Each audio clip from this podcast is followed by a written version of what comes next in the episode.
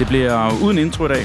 Det bliver simpelthen uden introspeak, fordi at øh, de her 25 sekunder, som vi har på introspeaken, det, der kan ikke nå opsummere, hvad der er sket i weekenden. Øh, men øh, hvis jeg dog alligevel skal forsøge at sætte et par overskrifter på den her weekend, som øh, vi altså lige har lagt bag ved os, så var det altså med Aguero flashback-lignende scener på Etihad søndag eftermiddag. Det var høj cigarføring i Sassuolo, hvor Milan fik deres første mesterskab i 11 år. Og så var der både glædestår og pint ansigter flere steder grundet de her dramatiske nedrykningskampe, som weekenden også bød på. Det vender vi naturligvis i dagens Diego, hvor jeg, Kenneth Hansen, igen har besøg af Morten Lindved og Francis Diko. Godmorgen, I to. Godmorgen. Godmorgen. Har I fået pulsen ned efter gårdsdagens strabasser? Jeg tænker, det var ikke dagen, hvor at, øh, man skulle lægge en, en konfirmation på. Nej, altså tit kan man sige, at man har brug for nogle flere skærme. Jeg føler også, at jeg har brug for nogle flere øjne. Ja. Øh, der, var så meget, der var så meget at følge med i, og, og jeg, jeg, jeg synes jo stadig, man sidder her mandag morgen og føler, at der er mange af de her dramaer rundt omkring, som man ikke sådan helt har fået, fået bearbejdet nok. Ikke? Fordi det var jo, sådan var det i hvert fald for mig, det var sådan de helt store, der fyldte mest. Men man ved godt, at uh, i laget derunder, så skete der altså rigtig, rigtig mange ting rundt omkring. Hvordan holdt du overblik, Francis? Jamen, det er jo svært. Altså, for jeg er i virkeligheden ikke særlig god til at, at, at det der med dobbeltskærme, eller hvad man siger, øhm, flere devices, der kører på samme tid. Det, det, det er svært for mig at se fodbold på den måde. Øh, så jeg helliger mig til en kamp, og så, og så um, får jeg resten med på livescore, og nogle gange sapper jeg, men jeg kan ikke lide at sappe i det heller. Så, um, så det, det bliver til en kamp for mig, og så selvfølgelig er jeg med på en, på en anden måde via, via nogle highlights og sådan. Jeg er, også, jeg er også på linje med dig der, Francis. Det, det vil jeg også normalt gøre, men jeg synes, når det er de her sidste runde, og det hele afhænger af hinanden, så synes jeg, for at få, Ja. få dramaet taget til sig, så synes jeg, man er nødt til at for at fornemme det her, at det er det der simultandrama, at det, der sker det ene sted, påvirker det, der sker det andet sted. Øh, og, og der, der var nogle elementer undervejs, altså nu, vi skal nok snakke meget om Premier League, men den der, det der øjeblik, hvor der kommer en stemning på Anfield om, at der er blevet scoret i Manchester, den der stemme, der, der, der spreder sig, der, der bliver man så også ramt af, at man ser det på stream, for jeg sidder jo og har, Man, jeg har Manchester City-kampen kørende. Ja. Jeg tænker, er, der, er det fordi, der, den er lidt foran, og der kommer så et mål om, om, lidt, om lidt, men der skete ikke rigtig noget. Øh, og og det, det fandt jeg aldrig helt ud af, hvad det egentlig var, der, der var opstået på Anfield, men det var jo klart den fornemmelse, som alle på stadion lige pludselig havde, at Aston, Aston Villa havde scoret en gang til. Ja, sådan helt lavpraktisk, der, der, der ser jeg det på Twitter. Der er på Sky Sports uh, Twitter-side, og de, de kan ligesom lave den her reaktion. Jeg får den så meget forsinket, kan man sige, fordi de skal lige uploade og alle de der ting, lige have den med. Uh, men ellers så, så var det jo at sidde og se Manchester City-kampen, og så så donger de jo til de forskellige ting, og det er jo ikke det samme, det, det er jeg fuldstændig enig, men jeg kan simpelthen ikke, øh, fordi så mis, jeg føler, at jeg misser noget så, øh, af, af det, jeg har sat mig for, at jeg vil se. Det tror jeg, man må da kende, at det gjorde man i går. Det gjorde man. på til at Det gjorde noget. Jeg, jeg lavede en tredje variant. Jeg tog simpelthen øh, høretelefoner på, gik en tur, og så havde jeg stream kørende der, og så gik jeg på livescore og, og skiftede hele tiden mellem den engelske og den italienske. Og øh, Morten, du, du siger det her med forsinkelse på, på streamsene. Det er der jo stadigvæk, selvom vi skriver 2022 noget forsinkelse på, men alligevel skud ud til både øh, dem på, på Viaplay på TV2, der var meget god til at briefe om, hvad der skete i de andre kampe, sådan, så man godt kunne have en kamp kørende, men været øh, nogenlunde opdateret øh, i forhold til, hvad der skete de andre steder. Premier League, det var jo magisk, hvordan det kunne ændre sig på, hvad var det, 10 minutter, at, øh, at det gik fra, at Coutinho han scorede til 2-0, til at øh, City var foran igen, og ja, Liverpool var jo egentlig ikke mester på noget tidspunkt, var det det, Morten? Nej, det var de jo ikke. Øh, det var de jo ikke. Øh, det, var, det var så del af dramaet, ikke? og det var jo også der, hvor min opmærksomhed følte jeg jo, da, da City kom bagud 2-0, og, og det så stadig stod 1-1 på Anfield, og så flyttede den så jo lidt derover, og så måtte jeg ligesom have den have, have gang i den kamp. Øh, og, og det var altså de minutter, jeg nåede at følge den kamp mest intens, så sad jeg jo ikke med følelsen af, om det er altså lige op over. Det kan ikke undgå at være sådan, at Liverpool scorer. Øh, jeg synes, de havde det svært på det tidspunkt, indtil de så alligevel fik målene. Men, Det var øh, men lidt på- forkrampet, ikke? Men ja, det var det. Det var det. Øh, og det havde jo været... Altså, det, det var dramatisk i sig selv, men det havde godt nok været voldsomt, hvis, hvis det var fortsat i Manchester med, at City var bagud, så Liverpool, hvis de var gået helt ind i, jamen, i de sidste minutter i overtiden, og at, og at de så stadigvæk kun havde, kun havde 1-1. Så det var, en, det var en del af dramaet, at Liverpool heller ikke bare lige kørte den sikkert hjem, så de kunne vinde 3-0, og så måtte de så vinde på den anden kamp. Jeg er fuldstændig enig, fordi der er jo 10 minutter tilbage til sæsonen, hvor at, uh, mesterskabet ikke er afgjort. Til altså, de sidste 10 minutter bliver det jo afgjort i begge kampe, fordi det stod uafgjort jo. Jeg fik lige kuldegysninger, da du sagde det. Ja, det, det, er vildt nok, det- man kan det- spille så mange minutter, det er og så bliver det afgjort vildt, til sidst. øh, Men fuldstændig vildt. øh, Så, så på den måde, så, så, så er der jo et drama, man går glip af, fordi jeg blev ved med at holde øjnene igen på, på Manchester City, og, og det, der sker på Etihad, det, det, er, det er ikke kun Aguero, det er ikke Sergio Agueros scoring øh, øh, på de højder, men det, det er så tæt på, fordi de skal grave så dybt. Altså skal virkelig grave så dybt. Og jeg er godt klar over, at de selvfølgelig med stadions øh, indvirken har en eller anden fornemmelse af, hvad det, hvad det er, det står i på, på Anfield. Men alligevel så skal du, du skal sørge for at gøre dit eget arbejde færdigt. Og der var de altså langt fra indtil, ja, helt til sidst. De var, altså, de var nærmest lidt slukket. Det, det blev også sagt, sagt mm. i kommenteringen. Det der 2-0-mål der, at de gik jo sådan og skændte lidt internt, det du siger med stemningen på Etihad. Den, kunne også bare, altså, den var lige ved at vende sig til at blive negativ de sidste 10 minutter, men så fik de så hurtigt en reducering, og så Altså gik det rigtig, rigtig, rigtig stærkt. Ja, også fordi hvis vi, hvis, vi, hvis, vi sådan, hvis vi lige dissekerer kampen hurtigt, altså den første halvleg, hvis man kan tale om, at man havde udset sig et svagt punkt med Fernandinho, så var det jo en perfekt gameplan, som de havde udført øh, Aston Villa. Altså de der lange bolde, de der dybe løb, stå dybt og gør det enormt svært for uh, Manchester City til at accelerere spillet. Altså de ting, som de normalt øh, er totalt komfortable i Manchester City, det, det kunne de slet ikke uh, komme til. Og langt ind i anden halvleg, jamen der, der har vi jo stadigvæk ikke set, at de kommer bedre ud, selvfølgelig med de eneste, allerede med Sinchenko, kommer de bedre ud, men, men, men man har jo ikke en fornemmelse af, at jamen, der ligger bare tre mål og venter på dem. Altså, det, det, det, det, det er så vildt, den eksplosion. Altså, det, kan kalde det her en ketchup-effekt. Lige pludselig, så, så, så løber det bare, ikke? Øh, så øh, ej, jeg, jeg, jeg må sige igen, det var ikke øh, sidste minutscoring som øh, Sergio Aguero, men det var godt nok tæt på at få den der fornemmelse af, okay, nu kører vi igen. så, ja, ketchup-effekt den her følelse af... Altså, der var så mange historier, der lå i det her drama, der var, ikke? Altså, bare hele det her, at det her comeback, det ville have været. Uh, altså, jeg mener, ikke, jeg mener ikke, Liverpool har været på førstepladsen i Premier League siden oktober.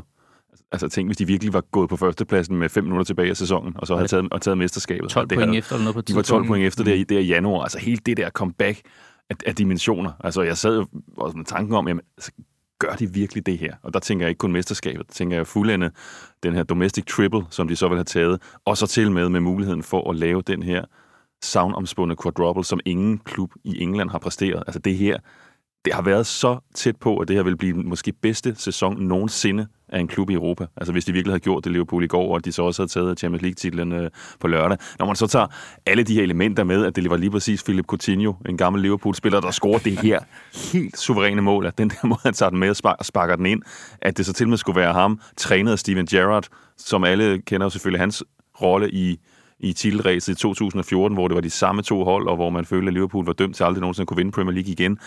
Øh, og hvis du så også bygger det oven på Manchester Citys fald i den her sæson, det der skete for dem på Bernabeu for et, ikke ret mange uger siden, altså den der følelse af, for den må jeg sige, den, den sad jeg med, den blev så alligevel sparket væk til sidst, men den der, hvor er, personel, hvor er personerne på det her hold? Ikke? Altså, hvem er det, der træder i karakter som redningsmænd for Manchester City i de her, de her kampe, hvor, hvor det står aller skarpe stille? Og der, der synes jeg så også, man sidder med en, med en, det går jeg i hvert fald med en følelse af, der, der var noget i, at det var Kevin De Bruyne, der var en afgørende spiller for City i går. Han var skiftet ud på Bernabeu, da, da, de, da de kollapsede mod, øh, mod Real Madrid. Prøv at forestille jer at være Liverpool. De taber to kampe i sæsonen. Ja. To kampe i sæsonen. Og alligevel er det ikke nok. Og alligevel er det ikke nok. Og jeg så en anden statistik, da de, da de tabte i 18, der tabte de en kamp. Det var det ikke nok. Det er ret vildt. Og det, men det er også med til at give, det giver os det her mesterskab noget ekstra for, altså for City. Jeg tror ikke, Guardiola han havde, han havde grædt efter kampen, hvis de bare havde vundet 4-0 over Aston Villa, som mange havde regnet med, de ville gøre på forhånd. Altså det her, det er jo ligesom, det er, det er jo det, som vi nu vil se tilbage på, når vi skal huske lige præcis det her af Manchester City's mange mesterskaber. Mm. Nå ja, det var det, de vandt, efter de var bagud 2-0 på hjemmebane mod Aston Villa i den aller sidste kamp. Uh, det, det, det giver noget. Det der med, at man kan knytte et mesterskab så tydeligt op på en eller anden enkeltstående begivenhed, som man så nu kan med det her mesterskab. Og så siger man, fik også allerede en forsmag på det i weekenden, eller weekenden for mod West Ham, hvor de også var bagud 2-0 pausen, at, at de kunne det her med, øh, at de kunne finde nogle procenter, når det, når det galt allermest. Men... Ja, som det, netop det, man måske har, har kritiseret dem lidt, altså for Jamen, eksempel efter Real Madrid-kampen, at de så faktisk, altså der var de netop i stand til, som du siger, Francis, at grave dybt, altså at finde det frem, som kunne bære dem igennem øh, en, mm. en periode, hvor det så rigtig svært ud. Og så også det her med, at hvornår var det, de mødtes der seneste indbyrdes? Var det i marts måned, hvor man sagde, at det kunne meget vel ske, at mesterskabet blev afgjort der, fordi at begge hold nærmest bare tog fuld plade sidenhen, og det endte jo så nærmest også med at gøre, det var godt nok få pointtab, der var øh, fra, fra den sidste tredjedel af sæsonen. Vi har allerede taget godt hul på det, som øh, en stor del af udsendelsen skal handle om her. Lidt senere skal vi også tale lidt om øh, den Conference League-finale, vi har onsdag, og også lidt øh, andre større nyheder, der er sket i, i weekenden. Morten, øh, hvad kom til det i weekenden? Det har jeg næsten glemt. jeg vil sige, det var ikke den kamp, der har sat det største indtryk på mig den, den her weekend. Men det var også noget spansk. Men det er i hvert fald den kamp, der ligger, der ligger friskest i, i rendringen, for den uh, sluttede først ved mindre tid. Det var en spansk kamp, øh, Sevilla mod, mod Atletic Bilbao. Så det, er, de, er de mange dramaer, der er i weekenden, så, så er det ikke der, vi finder det. Men det her, som, som tv-kommentator, har du styr på, hvor mange sæsoner du nu har lagt bag ved os? Vi lige har lagt en endnu i en af os. Det her, den følelse, man sidder med dagen derpå efter 38. runde. Uh, jeg ved, jeg kommenterede min første fodboldkamp i 2006. Uh, det er nogle år siden. Ja, det, det er det. Det er det. Øh, det er jo... Jamen, de her, de her sidste spilledags kampe, altså der er jo... Øh, nogle gange så får man nogle meget flade, ubetydelige kampe, og andre gange så er det de der kæmpe, kæmpe dramaer. Altså jeg kan huske for præcis 10 år siden, der var jeg egentlig blevet både om, om jeg skulle tage over og kommentere Manchester City's sidste kamp i, i Premier League. Men der må jeg sige, det passede godt nok rigtig, rigtig dårligt, fordi min daværende kæreste, hun havde 30 års fødselsdag og skulle holde fest aften før, så det ville, altså, det ville passe mig fint, hvis jeg kunne springe den over. Og jeg tænkte også, jeg havde været over, da de havde vundet mod Manchester United i tredje sidste runde. For mig var det, det var ligesom der, det hele blev afgjort. Og det var altså så den der QPR-kamp, som jeg ikke var over til. Uha. det, det tør du godt at sige højt. Ja, sådan må det være. Nu er det gået 10 år. okay. Ja, tid lærer alle sår, det kan man sige. okay. Ja, øhm, men hvad, hvad for en følelse sidder du med nu her dagen efter Jamen, jeg føler mig også sæson? brugt. Altså, jeg tror også, altså, det er meget godt med en pause. Når vi arbejder med det, så, så lever vi jo også lidt ind i den der sæsoncyklus. Mm. Øh, og, og, og jeg, nu synes jeg heller ikke, jeg har mere at sige om i særdeleshed La Liga-sæsonen. Den er ligesom bearbejdet og parkeret, og, øh, og kamp, kampen er spillet. Det har også været sådan en lidt lidt sløv afslutning på La Liga, fordi meget faldt på plads i de sidste runder, så de her sidste to-tre runder, der har ikke været så meget, så meget, øh, så meget på spil. Ikke? Så ligesom, ligesom spillerne måske også lige skal hanke op i, op i sig selv, så tror jeg også, det, det der er nok også nogle af os kommentatorer, der skal vide, når der kommer altså lands, landskampsfodbold om halvanden uge, så, så vi er altså ikke på ferie nu. Der, der er mere fodbold, der skal, der skal dissekeres. Francis, noget andet, der også har taget nogle overskrifter den seneste uges tid, det er de her baneinvasioner. Der var også mange af dem i går rundt omkring. Øhm, har du på din aktive karriere oplevet noget af det? Ja, men kun på en, på en god måde. Altså ikke så, ikke så voldsomt. Men kan man graduere det med gode og dårlige måder? Så for, selvfølgelig, når der ja. sker noget, som der er... Ja, ja, hvor nogen er blevet udsat for noget vold og lignende, så, så ved man godt, at det er den dårlige måde. Men, men jeg synes bare i går, spillerne synes ikke, det er specielt fedt. Nej, spillerne synes ikke, det er specielt fedt. Altså efter sidste kamp kan jeg huske, at øh, der blev der uddelt nogle... Da jeg spillede i Holland, blev der uddelt nogle, nogle trofæer, altså overspillere og, og de her ting. Der var nogle taler og sådan noget der. Og der, der var også nogle tilskuere på banen, og det var, det var i sådan et festligt øje med. Øh, men nu kommer det, hvad, det der rant. Så jeg vil hellere have coronatilstanden, end, end at se de der billeder. Jeg vil hellere have, at der, vi spiller uden fans. Mm. Altså som fodboldspiller er det eneste safe haven, det er altså inden for kridtstregerne. Og så ikke du kan føle dig sikker der. Og det handler både om Patrick Vera, det her, det handler også om Robben Olsen, det handler også om inde i, inde i jeg skulle til at kalde det Telia Parken, det hedder det ikke længere, men inde i parken, øh, i går, da FC København bliver mestre, at der, der er folk, der løber ind på banen, øh, og skaber utryghed og ødelægger showet for alle mulige andre, men i særdeleshed for aktørerne. Der skal være en afstand. Der skal være den her distance. Altså fodbold uden fans har vi jo har vi jo set i coronaperioden, og vi er alle sammen enige om, at, at vi skal have fyldt stadions, og vi kan også godt forstå den her, den her fornemmelse af, at der er nogle af, af tilskuerne, eller fans, der har manglet noget i så lang periode, som ligesom skal have den her ventil lige, altså finde den rigtige balance. Men det der med at tage, at være grådig, og tage, altså og vil have kagen og spise den selv på den måde, som de opfører sig lige i øjeblikket. Jeg synes, det er en uheldig tendens, og jeg vil hellere have, at vi ikke har dem så. Jeg synes, det er skrækkeligt, hvis ikke der bliver sat ind med det samme. Fordi det næste, der, der, der sker, det er, at der er en eller anden, der kommer alvorligt til skade. Mm. Øh, og så står der en eller anden, og ikke rigtig kan tage ansvar, fordi han er fuldstændig slukket i, i kasketten øh, på alkohol og alt muligt andet. Jeg synes, det er, jeg synes, det er en, en skrækkelig tendens, og forhåbentlig stopper det overalt. Ikke bare i England, men overalt. Ja, for hvad er, det, altså, hvad er alternativet? Skal vi til at have hegn på stadion? Ja. Ligesom i de gamle dage, hvor fodboldtilhænger, det var sådan nogle vilde dyr, man skulle bruge inde. Altså, det, det er jo også forfærdeligt, jeg er 100% det, det er forfærdeligt at se på. Og det, jeg tænker, altså, hvad er det, det her, hvad er det, det er et billede på? Altså, er det, jamen, er der noget det der efter corona, man har bare brug for at, at, at, at, at føle sig fælles, fælles som et eller andet? Der er ja. klart, der er en, en, en afsmittende effekt, en dominoeffekt, at, at nogen fra det ene land siger, at det gjorde de i det mm. andet land, så det må vi også hellere gøre. Det, det, det, det var da ret fedt. Men det, jeg, jeg føler også, det er hele den der selviscenesættelse, der er. Altså, ja. man, er ikke bare, man vil ikke bare være jagttager og tilskuer til en begivenhed, man har brug for at, at, at, at blive set og kunne komme ned og være del af det, øh, som, som så meget handler om i de her tider. Øh, og jeg synes, det er, jeg er meget, meget på linje, så det var det et range, jeg, jeg støtter fuldstændig, Francis. Jamen, jeg vil også gerne tage den skridt videre, men, men for at blive det der med, det er jo meget ulig den tid og de tendenser, vi har set inden for fodbolden med at tage ansvar for noget og sådan noget. Det, det virker det der, som du siger, selvscene, Morten, at, at hvorfor pokker skal, skal det lige pludselig foregå nu, og så har det den her dominoeffekt, når man ser nogen gøre det et sted, og man får at vide fra øh, klubberne selv, lad nu være med at gøre det, når vi formentlig bliver mestre eller har den her overlevelse. Bliv på banen, lad os fejre det på en ordentlig måde. Al- altså, så trigger det bare alt en, og så skal vi selvfølgelig bare gøre det og, og bryde de her barriere. Nogle af de scener, der har været rundt omkring, det er forfærdeligt. Så også, hvad hedder den, Billy Sharp, der fik en, en løbende skal nærmest ind, og, ja. og, og, og kom ja. jo voldsomt til skade. Ja, der Robin Olsen ja. flere gange i går også. Og jeg kan ikke forstå det her med, nu har vi øh, eksperter og fans siddet her og, og haft lidt foragt over fodbolden, den vej, den har udviklet sig i forhold til nogle penge, øh, hvor, hvor astronomiske de beløb er blevet. Det er måske noget, vi kan komme ind på lidt senere i forhold til Kylian Mbappé og hans øh, beslutninger og nye aftale her. Men der har vi jo også noget ansvar, der har fans også noget ansvar at sige, som du siger, fodboldbanen, det er det allerheldigste for spillerne. Inden for kridtstregene, der er det jeres område. Nu, nu taler jeg til dig, Francis, som, som, som jeres område. Men der skal fansene også kende deres plads. Altså, der skal ikke løbes på banen. Spillerne synes ikke, det er fedt. Jeg så i går de her billeder. Også en, en, en, en italiensk øh, podcaster, der, der laver en podcast om AC Milan, var nede på banen i Sassuolo og tage et billede med Rafael Lau, hvor at, øh, jeg læste rigtig mange opslag, hvor der skrev sådan, altså at din status skal du da ikke fremelske det her med at løbe mm. ned på banen som, som et kendt og anerkendt øh, navn inden for AC Milan-kredse. Hold dig op på tribunen og, og rapportere derfra. Det kan man snilt gøre. Så der synes jeg, der, der ligger en hel masse der, og jeg kan slet ikke forstå dem, der har vundet noget, altså fangrupperinger, der har vundet noget, folk, der skal fejre et mesterskab eller en overlevelse, at man så har behov for at rende ind og og tårnte øh, Robin Olsen øh, og, og, og direkte forvolde skade på ham. Jeg, jeg kan slet ikke sætte mig ind i det. Det kan bedre forstå det, hvis det var omvendt, at der så var nogle aggressioner, der skal havle på en eller anden måde. Ja, lige præcis. Altså, og, det, og det er jo det, der er så... Hvis lige i forhold til den der Robin Olsen sag, kunne jeg forstå, at de var lidt i tvivl om, hvor meget af det, der var med vilje i forhold til de gange, han blev ramt. Øh, og jeg mener, at Aston Villa har valgt ikke at lave en sag ud af det, så vidt jeg kunne se på, på Sky Sports og de rapporteringer, der var. Men derfor bliver det stadig undersøgt. Men altså, Patrick Vieira for eksempel, hvis vi bare tager det eksempel, det er en direkte provokation, og du kan bare se, at til sidst bliver det bare for meget for ham. Altså, der står også, selvfølgelig er han manager, og skal, han, han holder sin, øh, sin, sin, ren, eller sin sti ren, indtil han bare tænker, jeg er jo også et menneske. Mm. Han står øh, i England kalder det flipping the bird, altså med hænderne lige op i ansigtet på ham, og siger sikkert nogle fuldstændig vanvittige ting til ham, og til sidst bliver det bare for meget.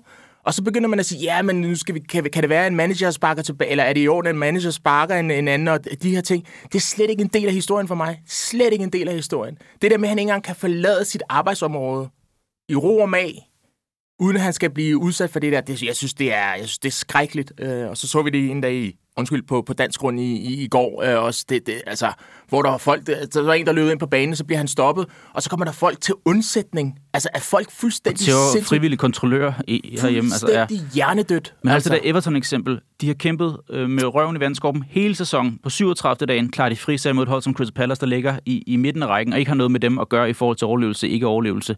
At man så vælger at bruge krudt på at rende hen og udfordre modstanderens manager, i stedet for at fejre, at man endelig er oppe i den det... her mareridt-sæson. Jeg kan slet ikke sætte mig ind i det. Nej, og det er jo derfor, jeg prøvede sådan at sige, differentiere det lidt. Altså, det er ikke i orden at løbe på banen, men, men man, kan gøre, man kan trods alt gøre det på, på, på, på, nogle, på nogle forskellige måder. Noget af det er eufori, noget af det kan jeg godt, jeg kan godt sætte mig ind i, hvis der, hvis, hvis der har været lagt låg på, og så eksploderer det bare i glædesros. Men så gør det i, i glæde. Det der med at, at være ødelæggende over for sporten, mm. det, det, det, det, altså, det er en hårfin balance, og hvis du ikke kan håndtere det, jamen, så heller du bliver væk. For det, nu er det, det er jo netop ikke længere den der spontane handling. Altså, at et eller andet har bare været, har vækket så mange følelser, at de ikke kan lægge låg på sig selv. Altså, nu er det blevet rent rituelt. Altså, det er ligesom, man forventer på forhånd, at det her bliver en del af det, at det skal slutte på den her måde. Ikke? Og det, der, det er bare det der behov for som tilhænger, altså, og, og skulle være del af begivenheden, ikke bare være dem, der kigger på. Altså, det, pff, der er så meget, til, meget i det der. Altså, det er også den måde at vise sig selv frem på sociale medier og være, ja. og, og være del af, af historien frem for bare dem, der, dem, der kigger på, som, som er så, så stor en del af det. Ikke? Et, et godt eksempel, det er jo det der ølkasteri, når der bliver scoret. Mm. Til sidst var det ikke spontant. Til sidst ved du godt, du står med en øl, og du, du behøver ikke... Man altså, gemmer nærmest på sin øl, for du gemmer nærmest for det, du vil kaste med den. Altså, ja. de der ting der, hvor det, det, det, det er sådan en dårlig tendens, det skal bare stoppe. Jamen, hvad bliver det næste? Er det så legitimt at gøre det, hvis der, man vinder en kamp i, i tillægstiden? Er det så legitimt også allerede at lave en banemission, selvom det er runde 13 eller 21? Altså, at bliver så det så det næste, at man får indført sådan op i, i egne hoveder, at det er så legitimt? Jeg har lige en anden lidt mere kuriøs sag, men det var så også... Altså, ellers skal vi have voldgraven indført igen, ikke? Som på de gamle stadion og alt det der. Ikke? Og det, altså, det er jo sådan nogle ting, som man jo... Det har man jo virkelig ikke lyst til at se igen. Altså, det, det, det er der, vi skal hen. Uh, altså, vi havde jo de der, de der øh, stadioner, hvor der er langt fra fra aktørerne på banen til tilhængerne. Altså, der er jo noget i den der, det der nærhed, ikke? Altså, at man føler, at de sidder så tæt på tilskuerne, at øh, de nærmest skal røre dem, når de sparker hjørnespark. Øhm, men lige nu, så, så, så er det godt nok for, blevet, for, blevet alt for meget. Og en ting er baneinvasioner af fans. Jeg faldt også over en, øh, en nyhed fra den bulgarske liga, hvor en baneinvasion også fandt sted for en klubpræsident også. Den så jeg også. Ja. Prøv lige at den var, op, den var hvordan du har forstået den. Jamen, det var, det var et eller andet bulgarsk bundhold, ja. bundhold, som kæmpede for overlevelse, og så får de et straffespark. Er, er vi ikke enige? I det sidste minut? Ja. Så kommer klubejeren, han kommer, han kommer stormende ned på banen, og han siger, ham som det var meningen, der skulle sparke straffespark, han skulle ikke sparke. Det vil han simpelthen ikke have. Mm. Så sætter de en anden til at sparke det her straffespark. Han brænder, de rykker ned. Ja. Nej. Nemesis, ikke? Jo. Der kan man snakke om en boomerang, der ryger lige oh. tilbage i nakken også. og det her med, inden for krigsdrejene, ja. det er spillernes område. Ja. Nå, det var lidt rant, og det var der måske også brug for, men jeg synes alligevel, at den her øh, dagen derpå, det er, hvor vi skal hylde triumferne i stedet for. Men Morten, jeg kan heller ikke lade være med at komme ud om en anden ting, der også har fyldt noget de seneste par dage. Kylian Mbappé. Vi tænkte måske, at det var året, hvor han skulle videre fra Paris og måske iføre sig den her hvide trøje fra den øh, spanske hovedstad. Det tror de også i Madrid. Ja. Hvad er seneste nyt i den her sag? Fordi jeg synes, den har været, den har været interessant at følge med i de seneste par dage. Ja, ja, jamen, den er jo nu er jo lukket. Nu har han jo skrevet sin nye kontrakt, øh, en treårig, treårs kontrakt med Paris Saint-Germain, så han øh, nu er øh, bundet til dem indtil 2025, og det er, det, det er jo en meget bemærkelsesværdig drejning øh, på et tidspunkt, hvor man i Madrid, i Real Madrid, har gået et stykke tid og følt, at den var hjemme. Ikke? Det var Uffe Ellemann for uh, tilbage i 90'erne. Uh, øh, han, de, de havde ham. Uh, og den var så bare ikke hjemme alligevel. Uh, der kom en kovending i, uh, i 11. time, og det har jo været set som et, et stort, stort slag for Real Madrid, uh, at den her spiller, som de i i flere år har de jo planlagt, alt hvad der skulle ske i Real Madrid har været planlagt efter, at de skulle hente Kylian Mbappé på et, på et givet tidspunkt. Og lige nu at den plan bare skudt i seng. Altså, det var ham, der skulle tegne det nye Real Madrid på deres nye øh, Santiago Bernabeu, når det ligesom var, var, var, helt, var helt klart, så skulle, havde de jo brug for en ny superstjerne, der, der stod der, og så skulle de selvfølgelig have den største stjerne i verden for, i nutidens og fremtidens fodbold, og der, der var Kylian Mbappé udset til at være den. Øh, så at han, at han så øh, så sent er endt med alligevel at blive, blive PSG. Altså det, det er en meget, meget, meget markant, øh, markant udvikling i forhold til alt det, der er sket. Også de indbyrdes opgør, der var mellem Real Madrid og PSG, hvor det, det forstærkede i hvert fald for mig opfattelsen af, at jamen, de to havde også brug for hinanden. Altså Mbappé havde brug for at komme op i en rigtig traditionel storklub som, som Real Madrid, og Real Madrid,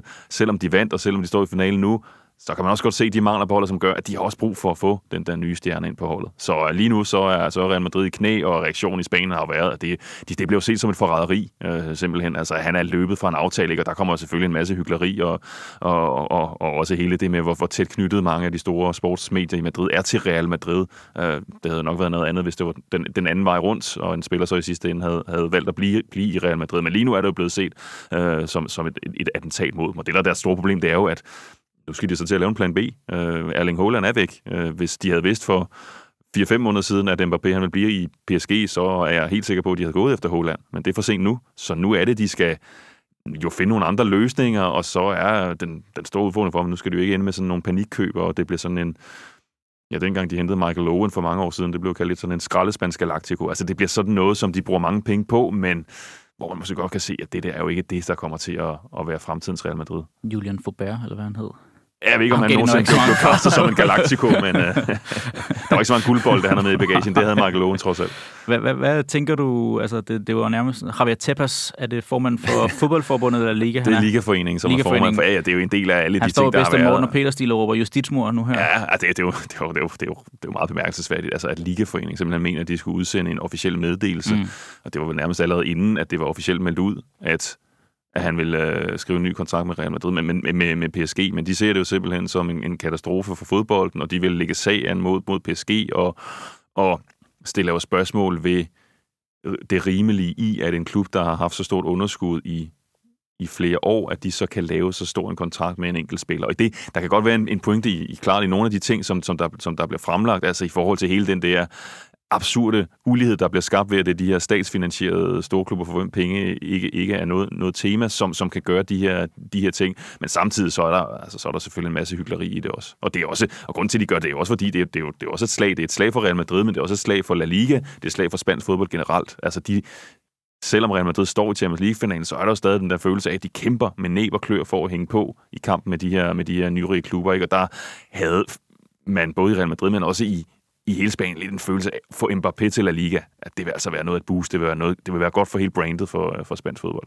Så så jeg så, altså det var jo nærmest en time efter Le Parisien, hvad hedder den? Hedder den det, den franske avis? Være ude med, at øh, Neymar angiveligt skulle være til salg. Altså vil det være helt out of this world, hvis Real Madrid præsenterer Neymar i løbet af den her sommer? Nej.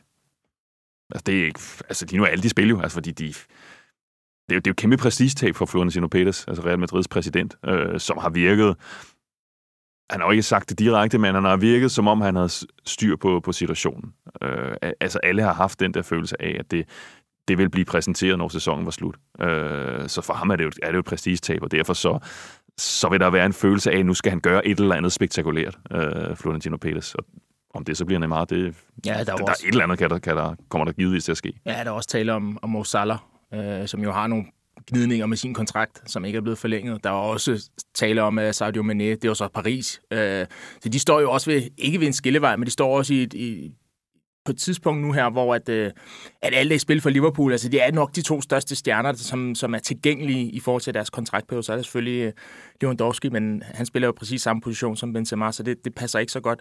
Du skal nok bruge nogen, der kan spille en lille smule... Øh, skævt af Benzema, det vil sige, at det også kan udfylde en plads på, på kanten, og derfor er Neymar selvfølgelig i spil, øh, Sadio Mane og, og, og Mo Salah, øh, fordi hvis vi tænker, at der er en plads til rådighed, og det, fordi at Vinicius Juniors øh, udvikling har været, som den er, og man tænker, at Benzema i hvert fald i den spanske liga stadigvæk kan husere, så er der vel en plads på, på højre side, øh, som, som kan komme i spil. Og der skal du bruge en fleksibel spiller, som, som også er seværdig på den måde. Øh, der håbede man på, at øh, en Hazard i sin tid kunne være sådan en type, det virker ikke til, at det bliver forløst på noget tidspunkt i Real Madrid. Så, øh, så det er nok den type, vi skal ud og kigge på, især når hvor at, øh, at Holland netop er, er væk, som er den her øh, man kalder det box office i USA, altså den her spiller, som, som ikke bare ændrer det derinde på kridtstregerne, men også hele domænet, hele, hele opfattelsen af, hvad for en klub det er, at, at spilleren repræsenterer. Morten, du nævnte lige ordet hyklerisk i forhold til det her beløb, hvad han har fået kastet efter, som man snakker også om nu, at Mbappé skal have indflydelse omkring, hvem bliver den nye manager i øh, Paris og alt det her. Hvor stort skred er det her i forhold til fodbolden? Ja, det, det, det er jo voldsomt. Altså, det er ikke altså, selvfølgelig hele hans, den, den løn, han kommer til at få, og det her indgangsbeløb, han får for, for at skrive under. Altså, det, det er jo det er jo sådan et skridt i retning af selvfølgelig ja, ja, altså, den, den spiral, der har været i, i spillerlønningerne, men også i forhold til altså, magten, hvor den bevæger sig hen mod de her de, de nye klubber, altså klubber som PSG, som Manchester City, øh, som bare har adgang til nogle andre midler, end, end de andre har. Så det er på den måde, altså, der bliver slået tilbage. Det er det nye imperie, der slår tilbage mod det gamle, hvor for to måneder siden på banen, der var det det gamle imperie Real Madrid, der fik affærdiget, øh, affærdiget PSG øh, ved at sende dem ud af, af Champions League, og det er jo det, de har gjort her i foråret, Real Madrid. De har vundet over de her, de her hold. Øh, men nu kommer vi så et sted hen, da det, hele, da det så bliver gjort op efter, efterfølgende, og Mbappé skal vælge sin fremtid, så vælger han altså alligevel PSG, ikke? og det, det, det ligger der jo altså også noget i. Altså, det er jo ikke noget ukendt fænomen i sportens verden, at en spiller får, får den her type øh, magt. Altså, hvis du kigger på NBA for eksempel, eller NFL, kigger på LeBron James, de kalder det ham GM, altså det er ham, der sætter holdet sammen. Selvfølgelig sammen med en, en, en, en valgt uh, general manager. Uh, hvis du kigger på Tom Brady, så vælger han også, selvom at det er folk, der er blevet anklaget for diverse ting, og ham skal jeg bruge, fordi jeg skal vinde Super Bowl. Nu sker det så i fodboldverdenen, og det er den tendens, vi har set den her player empowerment, øh, stort set i alle sportsgrene, og nu kommer den altså til fodbold. Altså, vi skal bare huske på, han er en spiller, øh, kaliber spiller, som kan ændre magtbalancen. Det er det, vi alle sammen troede. Det er i hvert fald det, jeg troede i forhold til Real Madrid.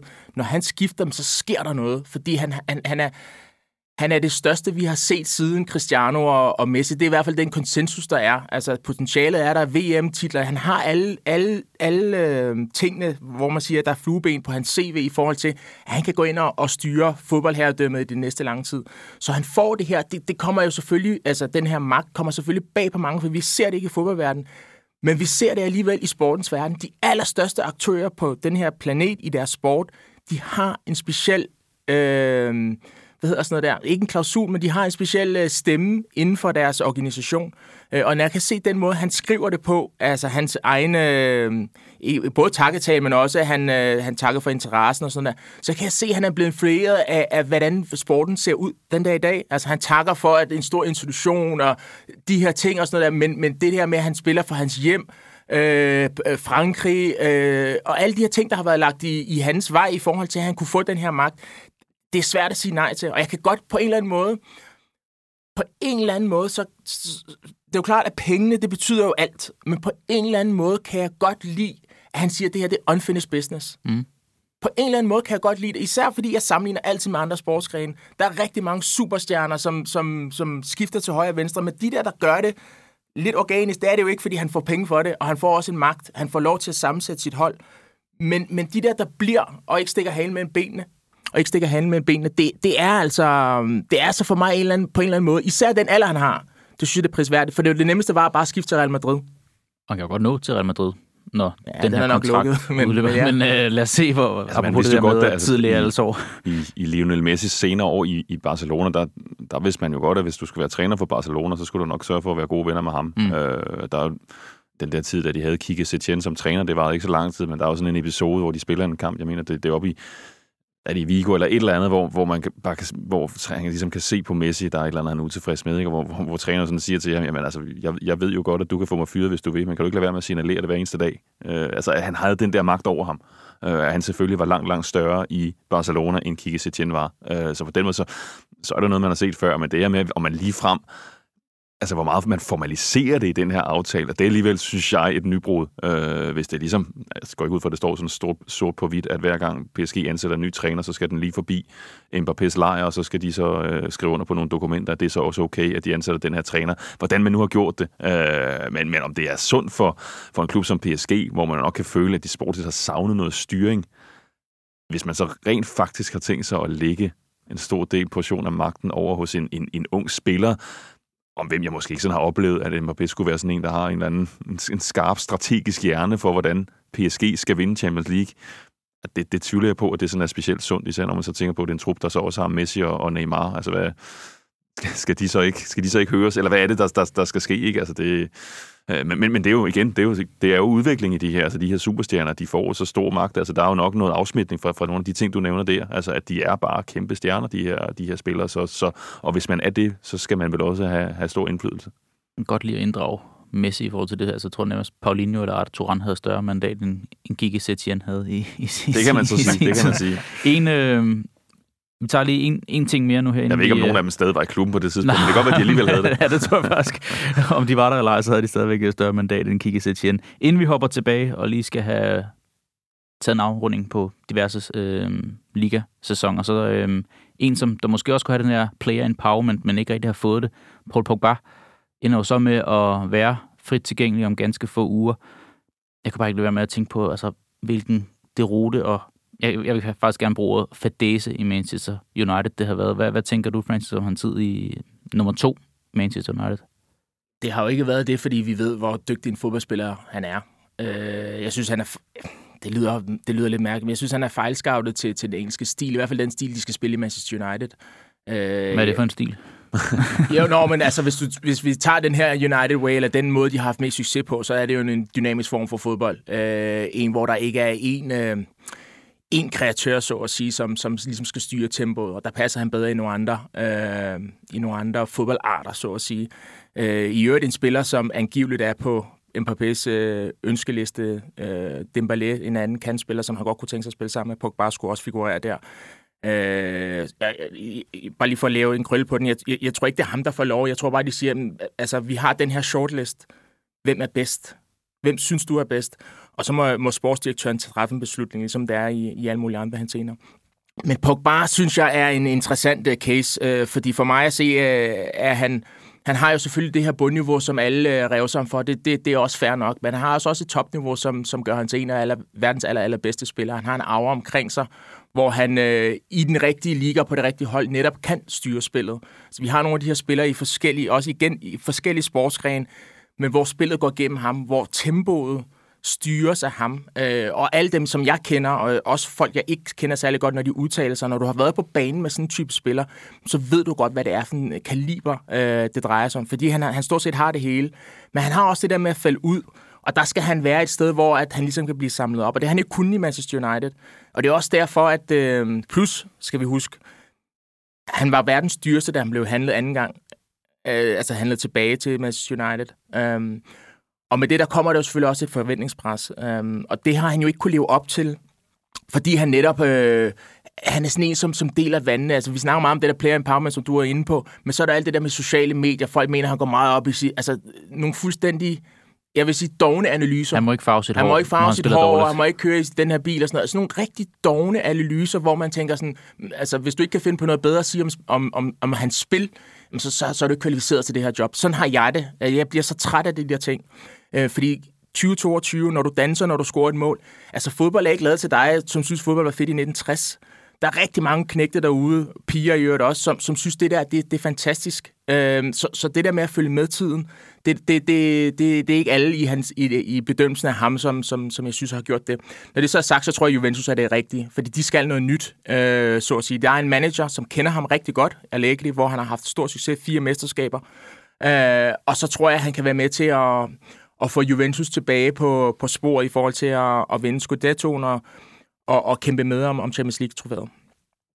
Ja, det var, det var enormt fascinerende, synes jeg, at se, at se Paul Pogba i VM i 2018. Altså, fordi der var han, der synes jeg, han var alt det, han ikke er for Manchester United. Altså, der var han den der jamen, lidt mere stille eksistens. Der er sikkert mange, der ikke lige kunne... Altså, når man tænker Frankrig 2018, der var, der var noget Mbappé, der var andre, der, der strålede men han var ekstremt vigtig for dem på den der midtbane sammen med, sammen med N'Golo Kanté. Og det var jo lidt mere, der var han ikke særlig spektakulær i sit spil, men han var enormt effektiv, meget disciplineret og udfyldte den der rolle. Så det, det viste bare, hvad Pogba, hvad han faktisk er i stand til, hvis der kommer nogle lidt mere faste rammer omkring ham. Øh, det, det, det, det, tror jeg måske er sundt for ham. Og der tror jeg, som, som du siger, at det her komme ned til Italien, hvor der er måske lidt mere struktur, lidt mere styr på tingene, det er lidt mere, lidt mere simpelt for ham, der, der, der vil han nok komme til at stråle igen. Fuldstændig enig.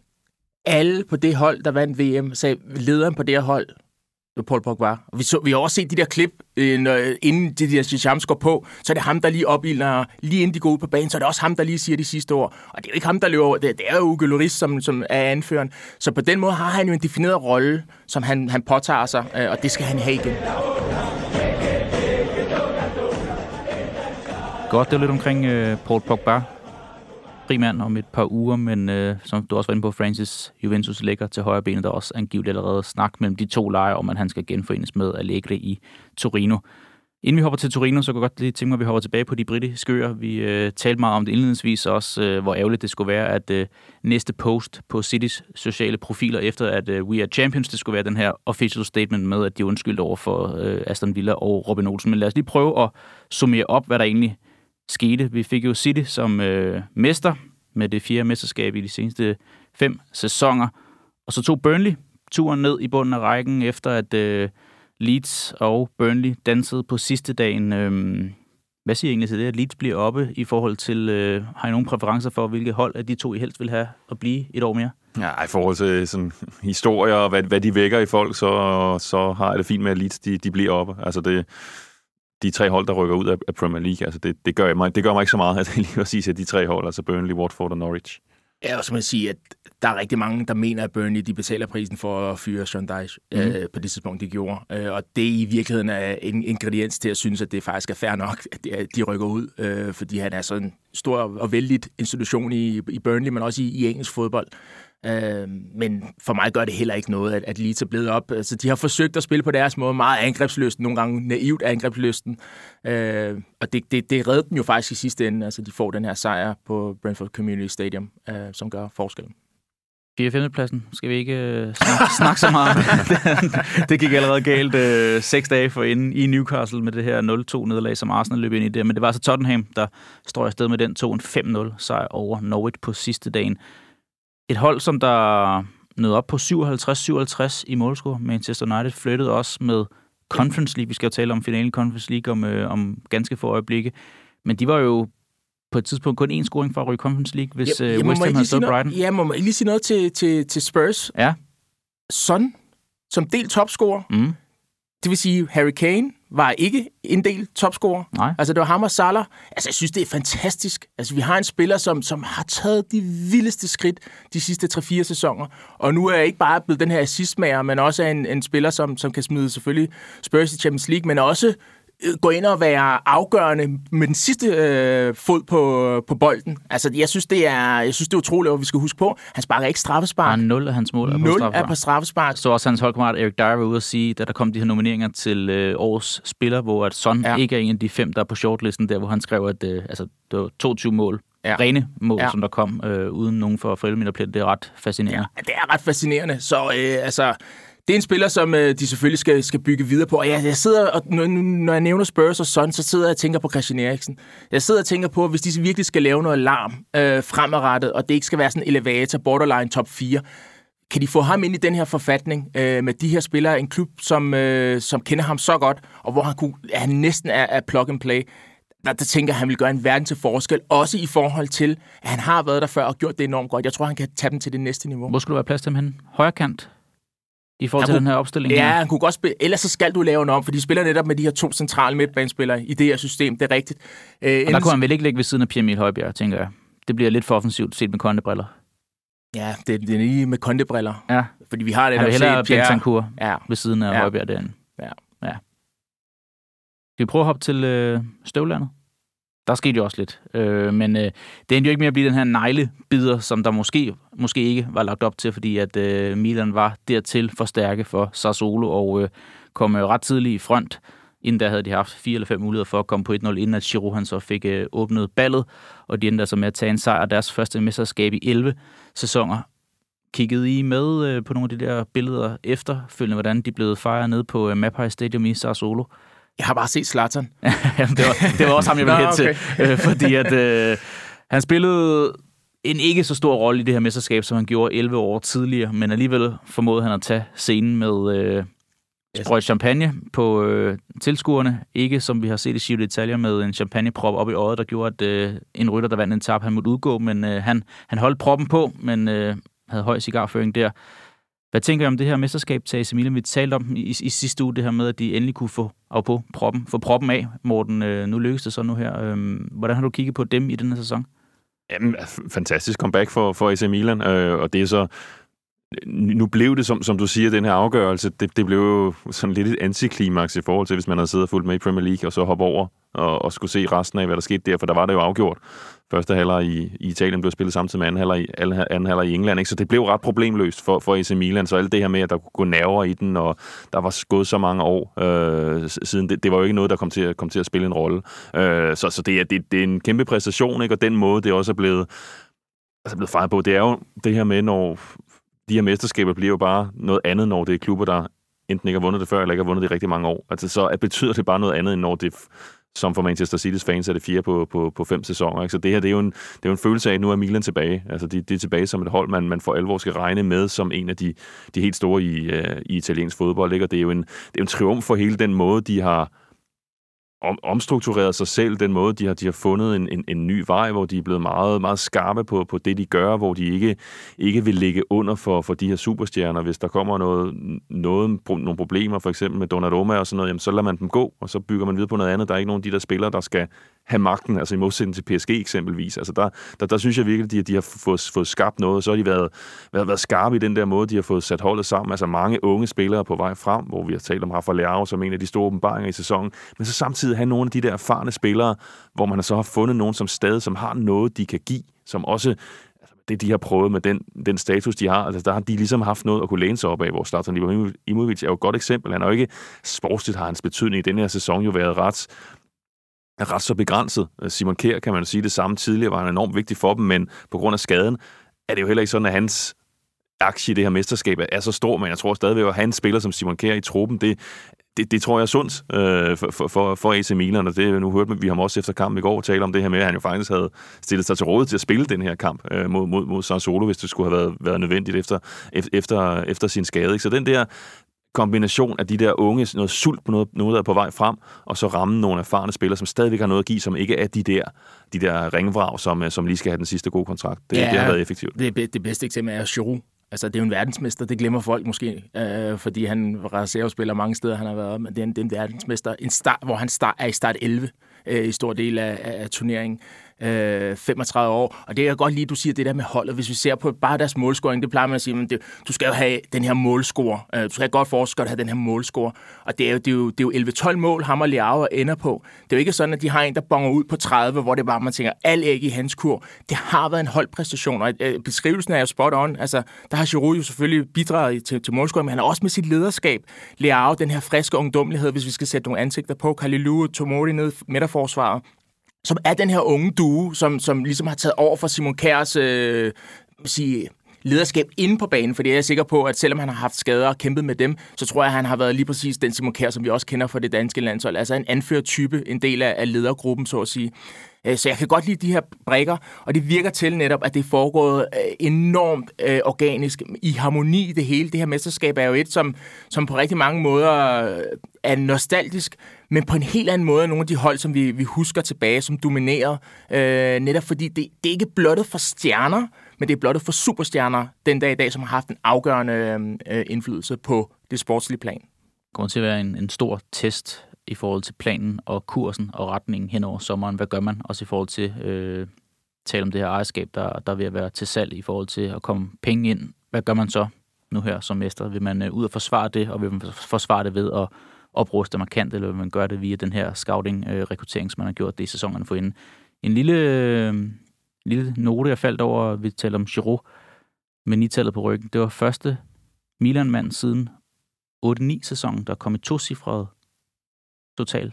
De har haft sådan en nier curse i rigtig mange år. Det var Pipo Inzaghi i sin tid, så øh, en stor del af også de, de mål, han laver. Altså ja. to mål mod Inter i foråret, et øh, mål i Napoli, tror ja. jeg det også, og så øh, to mål på sidste dagen, der sikrer dem den her 3 sejr over Sassuolo. Det gør så, at Inter bliver nummer to, Napoli nummer tre, Juventus på fjerdepladsen som det sidste hold i Champions League. Så har vi øh, Lazio, Roma og Fiorentina, det vil sige ingen Atalanta i de europæiske turneringer i den kommende sæson. Spændende, hvad det betyder for øh, Gasparini og Joachim Mæle. Og så endte Salernitana jo med at fuldføre det her Great Escape, og på det vi talte om for et par sæsoner siden. De fik en ordentlig snitter og Udinese selv, men øh, Cagliari Quick slå allerede nedrykket Venezia, og derfor var det Cagliari, der røg ned og ikke Salernitana. Ja, som redder som, jeg tror, det var 31 point. Det er, 31 point. Det er ikke meget i en uh, liga med 38 kampe. det, det, plejer ikke at være nok. Mål. Det plejer ikke at være nok. 21 nederlag. Ja. Det var stadigvæk nok. Ja, det er den her outlier, man snakker om. I hvert fald sidst i 30'erne, eller i Premier League har 40 i mange sæsoner været det magiske tal, men uh, det var nok i år til at klare frisag med 31 point, siger måske lidt om. Og hvad var det så, han skulle? Skulle han cykle fra Salerno til, var det Torino, eller han skulle i hvert fald, eller skulle han et eller andet ja, den her sidst gjorde han det for, fra Crotone til hans hjemby lidt uden for Torino. Jeg ved ikke, fra det Salerno altså, til nu her. Han må, han, det, han må være i gang med at pumpe cyklen, as we speak. Det er Italiens førende brændslukker, ja. Davide Nicola. Davide Nicola. Stor ros til han ham. Han skal nok få igen, når der er en nødstedt bundklub. Ja, du talte lidt om Spanien, at der ikke skete det helt store, men skal vi lige få opridset, hvad der skete primært i, i bunden om, omkring de her andre europæiske pladser? Der var, to, der var to spørgsmål tilbage. Den ene var, hvem skulle være hvem skulle være det sidste spanske hold i Europa. Det blev så Villarreal, som fik billetten til Conference League. Det betyder så, at det er præcis de samme syv spanske hold, der skal spille europæisk i næste sæson, som, som i denne. Og også ja, næsten øh, samme, samme turneringer. Der er lige Villarreal, der går fra, fra Champions League til Conference League, hvor der jo over fem, og fem hold med. Og så var der øh, spørgsmål om den sidste nedrykningsbillet, og det, det sad jeg fuldt lidt med i, og det er nok en af det er nok ikke så mange, der lige, der lige så, men det var, altså, det var vanvittigt drama. Altså, det, det ender med, at Granada er meget overrasket og rykker ned. Det var ellers dem, der havde de bedste kort på hånden inden, inden sidste runde. De møder på hjemmebane Espanyol, som intet har spillet for. Og Granada brænder til med et straffespark undervejs. Det er veteranangriberen Jorge Molina, øh, som ellers har været så stor en skikkelse for dem i, øh, i den her sæson, som brænder det her, det her straffespark, og så ender det 0-0. De rammer stolpen i overtiden, og det var, det var meget følelsesladet, det der foregik der. Øh, og så ender det så i stedet med, at øh, Mallorca og Cadiz, de, øh, de overlever. Francis, hvis jeg øh, viftede med et par billetter til Volkspark stadion her, kunne du så lokkes til, øh, til Hamburg i aften? Ja, det kunne jeg faktisk godt. Nu har jeg så et, øh, et job, jeg skal, jeg skal tage fra det her byen, men ellers så kunne jeg altså godt. Det, det, det bliver en vild kamp, og det, det, ikke kuriøst, men det, der er sådan lidt specielt, det er jo, at Oliver Christensen, han fik jo også den første kamp. Altså, der er jo en, det er jo reelt Hertas fire målmand lige i øjeblikket, for de har så mange skader. Nu har han så endelig fået chancen. Jeg har et eller andet sted undret mig over, at han ikke har fået den før. Og så i det første opgør på, øhm, på det olympiske stadion i Berlin, der, der er han jo desværre impliceret i målet. Altså et fejlslået indlæg, som, som sejler hen over hovedet på ham. Der taler man jo noget om hans placering, og han mangler noget, noget skarphed i forhold til hans eksplosivitet. Øh, men nu får han altså chancen for at rode bod på det, og hvis vi tager ud for, hvordan de spillede, øh, så er der ingen tvivl om, at det har HSV eller har Svav øh, var klart det bedste hold. Øh, og spørgsmålet er, om, om ikke den opbakning, man må man formoder, at de får på hjemmebane nu her, øh, er nok til at sende den tilbage i, i første Bundesliga. Det vil, øh, det er selvfølgelig ærgerligt for Hertha Berlin, som er en kæmpe klub med Felix Magath og alle de her ting, men, men Hertha, undskyld med HSV, dem har vi altså savnet i, i det fine selskab i noget tid og har så en 1-0-føring fra det første opgør, og når man kigger på formbarometeret, de slutter også af med øh, fire sejre i streg i ja. anden Bundesliga, inden man kom til den her playoff, øh, hvad hedder den, relegations ja, relegationsspil. Spil hedder den nok helt officielt, mens Hertha har tabt deres øh, tre seneste kampe. Så... Ja, og, det, og, og, i virkeligheden, hvis vi lige tager den der stime med, der har jo været dansk islet. Altså, Mikkel Kaufmann har jo haft afgørende ja. fødder med på, på vejen i forhold til det. Hvor kom det, det lige fra? Ja, hvor kom det netop lige fra? Ham gravede de jo lige pludselig frem og er blevet den her angriber, som man, man kan sætte ind for bænken, når der virkelig skal være en isbryder, når der ligesom skal ske noget helt andet. Øh, og der er det jo vigtigt at få vist sig ordentligt frem. Så, øhm, så spørgsmålet er, om han ikke øh, også i, i aften får en afgørende rolle. Fik jeg så sat punktum den her søndag på alle de store ligaer. Nu har vi et par europæiske finaler tilbage, så som du sagde helt indledningsvis, Morten, så ruller landskampene jo om uh, halvanden uges tid med, øh, med nogen fra diverse lag i, i Nations League. Hvad er jeres, sådan, jeres overskrifter på øh, klubsæsonerne rundt omkring i Europa, der har været? Jeg synes, det har været dramatisk. Ja. Jeg synes, det har været dramatisk mange steder. Øh, der har været... Øh, jeg vil sige, der, der er selvfølgelig de her ligaer, hvor det er sådan the usual suspects, den franske, den tyske, der, der ved man nærmest på forhånd. Real Madrid viser sig også at være, være stærke nok, men jeg synes jo alligevel, vi fik den her opblåsning fra, fra Barcelona, der gjorde, at man, man har lov at drømme øh, stort på deres vegne, selvom at de, de slutter sæsonen på en nedadgående spiral, så at sige. Men man kan stadig godt drømme om nogle ting. Men ellers så er det jo, nu tænker jeg meget på den danske, nu tænker jeg meget på den engelske, hvor jeg synes, der har været, det har været der, der har vi fået lige præcis det drama, som, som, som jeg som fan godt kan lide, øh, at det ikke er så forudsigeligt fra runde til runde. Hvad siger du, Morten, i forhold til, når man kigger på mestrene i de her fem større ligaer, som vi primært beskæftiger os med? Real Madrid i Spanien, Milan i Italien, Manchester City i England, Bayern München i Tyskland og øh, Paris i Frankrig. Der er vel ikke de helt store overraskelser. Hvornår øh, tænker du, vi får sådan en uh, Cinderella-historie som Leicester igen? Oh, det, når det er det eventyr, så er det svært at forudsige, ellers så vil, så vil det ikke være en overraskelse. Så er du en rig mand om lidt. Ja, øhm, altså jeg vil stadig sige, Milan er jo en, der skiller sig ud. Selvfølgelig var de der jo mm. sidste sæson. Det er jo ikke sådan en, der, hvor de går fra en, fra en 8. plads og så til at blive mestre. Øh, men, men ellers så er det da, så er det de, de, de vanlige klubber, ikke? og sådan, sådan vil det jo være. Øh, det er jo sådan den ulighed, der er kommet i de store ligaer, så, så er det jo så vil det jo være en stor overraskelse, når, som i sidste sæson, at Lille bliver fransk mester. Øh, og nu har, nu har Bayern så vundet 10 år, 10 år i træk. Øh, det, det, det er jo de samme klubber, der dominerer. De er, de er så meget større og stærkere end alle de andre, så på den måde, så, så ved vi som regel godt nogenlunde, hvordan, hvordan det ender, men derfor så har der stadig været der er stadig nogle dramaer under, undervejs. Ikke? Jeg synes, det der med sådan, at I har sammenfattet ligaer på tværs, som der er noget, der ligesom kendetegner den, den, her, den her sæson, der, det, det synes jeg måske ikke helt, jeg sådan, jeg sådan øh, lige kan se. Altså noget af det, man, som jeg synes, man kan se, det er stadigvæk, at altså penge betyder meget, men det betyder godt nok også meget, at du, du ved, hvordan du vil bruge dem. Øh, altså det der med at se, altså for mig, de, de, de klart bedste hold lige nu i europæisk fodbold, det er Liverpool, og det er, og det er Manchester City, og så ved jeg godt, at Manchester City lige har tabt til, til Real Madrid, men stadigvæk, altså det de foretager sig, den måde, det hvor de er, i det, hvor fodbolden er nået til, der er det bare en følelse af, at de er sådan lige et par år længere frem end alle de andre. Øh, og og det, det, synes jeg er, det, det synes jeg er spændende, spændende at, at følge i den der måde, hvordan spillet det hele tiden rykker sig. Ja, jeg så også bare lige for at redegøre det, det er jo også i forhold til nogle af de europæiske turneringer, jeg tænker, i forhold til den her sæson, som har været meget dramatisk. Vi har set det i Champions League, vi så finaler omkring øh, Frankfurt og, og Rangers FC. Øh, nu ser, kommer vi til at se en anden europæisk finale i forhold til Conference League, hvor der også i hvert fald er et hold, som, Øh, som vi ikke har set på den europæiske scene i, i, i rigtig lang tid. Um, så på den måde synes jeg, det har været dramatisk forstået på den måde, at vi har alligevel fået, ikke, ikke Cinderella-historier, men vi, jeg synes, vi har fået set, øh, at den rigtige fodbold også stadigvæk er der. Vi talte om den for lidt siden, Francis Conference League. Der er jo øh, finale onsdag aften, hvor at, øh, vi skal have AS Roma op mod hollandske Feyenoord. Morten, øh, man kunne læse i tipsbladet fredag, at du har haft en snak med Frank Arnesen, sportsdirektør. Er det hans øh, officielle titel i Feyenoord nu ja, her? For, formelt hedder han jo teknisk direktør, ja, men, teknisk men, direktør. Men, men når man er det, så er man sportsdirektør. Det er ligesom det, der ligger i det. Der er ikke også en sportsdirektør, så det er ham, der der tager alle de beslutninger, der har med det, med det at gøre. Og Francis siger også, at, at det er jo en, en, en kæmpe, der har sovet et stykke tid. Du har også et indgående kendskab til Feyenoord kvæg din, øh, din fortid i Holland. Altså hvis vi skal lægge ud med, med, med Feyenoord, hvad er det for en størrelse af nu 2022? Det er jo en, det er en, en kæmpe, der har været i knæ i, øh, i rigtig mange år. Altså de her sidste to årtier, kan man næsten sige, siden de sidste store europæiske finale, øh, da de vandt UEFA-kuppen øh, hjemme, på, hjemme på Det Kaup, at der har de jo været helt nede. Øh, de når sådan et sportsligt lavpunkt, da de taber 10-0 til, til PSV. Jeg ved ikke engang, om du spillede i Holland i den, i den tid, øh, men, men der, det var på et tidspunkt i 2010, hvor, hvor de var Altså sportsligt var de langt under, hvad de havde været. Samtidig var, var de økonomisk i ruiner. De var, de var jo simpelthen tæt på at gå konkurs Feyenoord, og der var jo, øh, mange mente også, at det måske var det virkelig det bedste af den her kæmpe klub, som var blevet dårligt ledet igennem mange år, at de, at de bare gik konkurs, og så kunne de så ligesom starte forfra i amatørafdelingen Excelsior, ligesom i deres under, under, under deres navn. Altså så langt nede var, var Feyenoord. Øh, så vandt de et mesterskab, da Nikolaj Jørgensen var der i 2017, men, men sådan på den europæiske scene har Feyenoord jo været fuldstændig irrelevant i mange år. Det er blevet, hvis de var med i noget, så var det med i Europa League-gruppespillet, så røg det ud der, gik ikke videre. Øh, så er det nu er noget helt frem til, til en final. Det er kæmpestort for dem, og nu har jeg haft fornøjelsen også at kommentere øh, flere af deres kampe her på det sidste, år.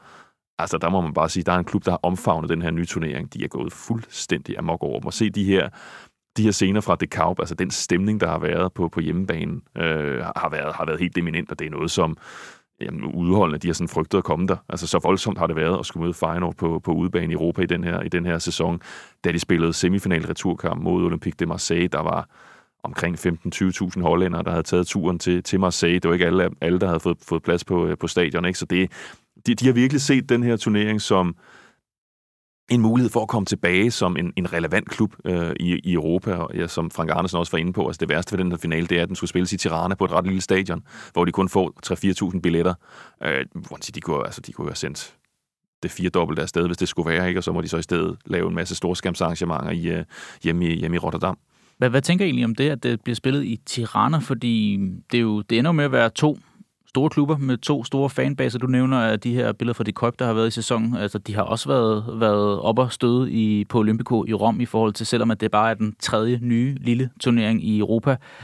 Altså, der kunne vel snilt være solgt 50-60.000 øh, billetter det, til den her og det, der, der ligger noget i det her. Det var, det var den her nye turnering, og måske var man også fra UEFA's side sådan lidt betænkel. Jamen, altså, hvor stort kommer det til at blive, mm. og er det noget, de store klubber kommer de til at prioritere det, eller ender vi med at få en eller anden finale mellem Slavia Prag, de vil også også sende rigtig mange fans afsted. Det, det er ikke det, men, men nogle min, lidt mindre hold, ikke? og så vil det måske virke lidt voldsomt, hvis man så havde lagt det på et kæmpestort stadion. Det ville jo også se skidt ud, hvis der kom 40.000 på et stadion med 70.000. Øh, men, det er klart, at der, der, hvor den er endt, altså den måde, de her klubber har omfavnet den, den har været en, og det siger jeg ikke, fordi at jeg også har kommenteret kampe for TV2, som har rettigheden til den, men den, den har været en, en stor succes. Øh, ja. Øh, og der har man også været, man har været heldig, set fra UEFA's side, at det er nogle af de der lidt sovende kæmper, nogle meget, meget store klubber, som måske ikke helt længere har niveau til at begå sig i Champions League og måske heller ikke i Europa League, men som har en enorm fanbase, altså som virkelig omfavner. Der er Feyenoord jo et rigtig godt eksempel. Altså Marseille har jo været det samme. De, de har jo også øh, virkelig, virkelig givet den gas, når de har spillet ikke? Og Roma, altså den måde, man ser, altså man ser Mourinho græde over at komme i Conference League-finalen. Det,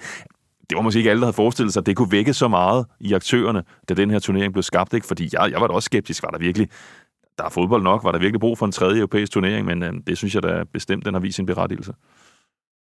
Ja, lad os bare skubbe dem væk fra, fra to, der er i lommen på, på rettighedshaver over til dig, Francis. Sådan, din oplevelse af det, fordi det, jeg synes jo, det er interessant det her med, lidt skeptisk for UEFA's side. Hvad, hvad vil den her øh, turnering ende med at betyde for holdene? Og man taler også meget herhjemme om, med, med danske briller.